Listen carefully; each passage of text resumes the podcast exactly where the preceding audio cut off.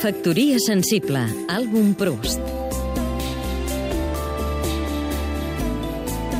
Julià de Joda, escriptor.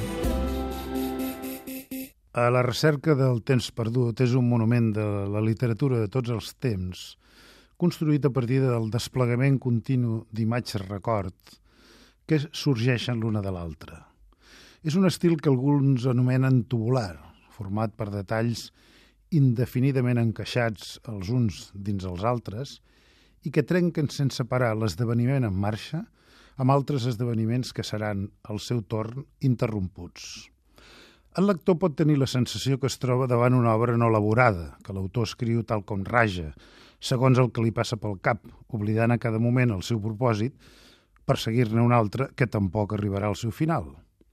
Però es tracta d'un error de perspectiva, perquè Proust treballa com un arquitecte que ja té el pla fet i a mesura que escriu aixeca un edifici on triomfen l'equilibri de les masses i l'harmonia de les línies.